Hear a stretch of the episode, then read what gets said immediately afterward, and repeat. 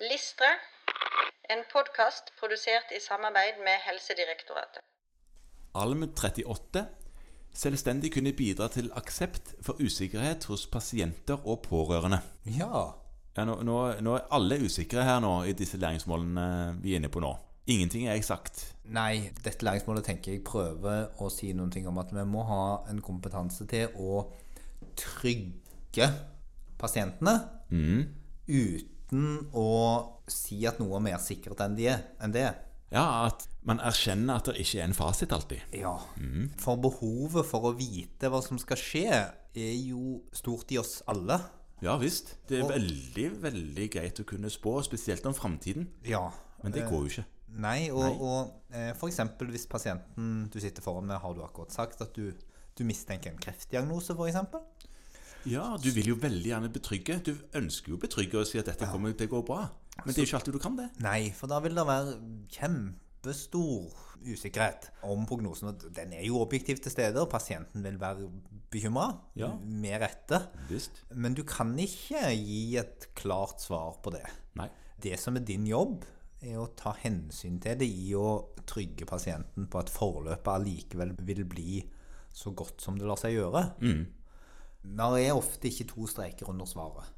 Og når det ikke er to streker under svaret, så er det ofte i betydelig misforhold til hva pasienten kunne ønske seg. Ja, eller hva pasientene ofte tenker at er realitetene. At det er alltid et svar hvor det går an å sette to streker under. Og da har man det, liksom. Man gir seg ikke før man har de to strekene.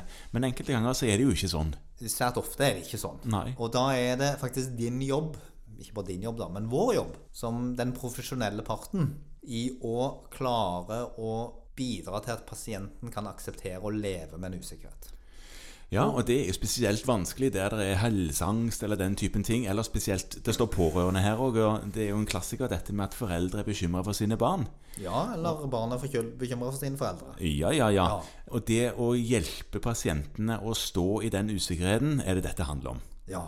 Og jeg tenker at det er en del av den overordna opplæringen av pasientene våre, som vi driver med over tid.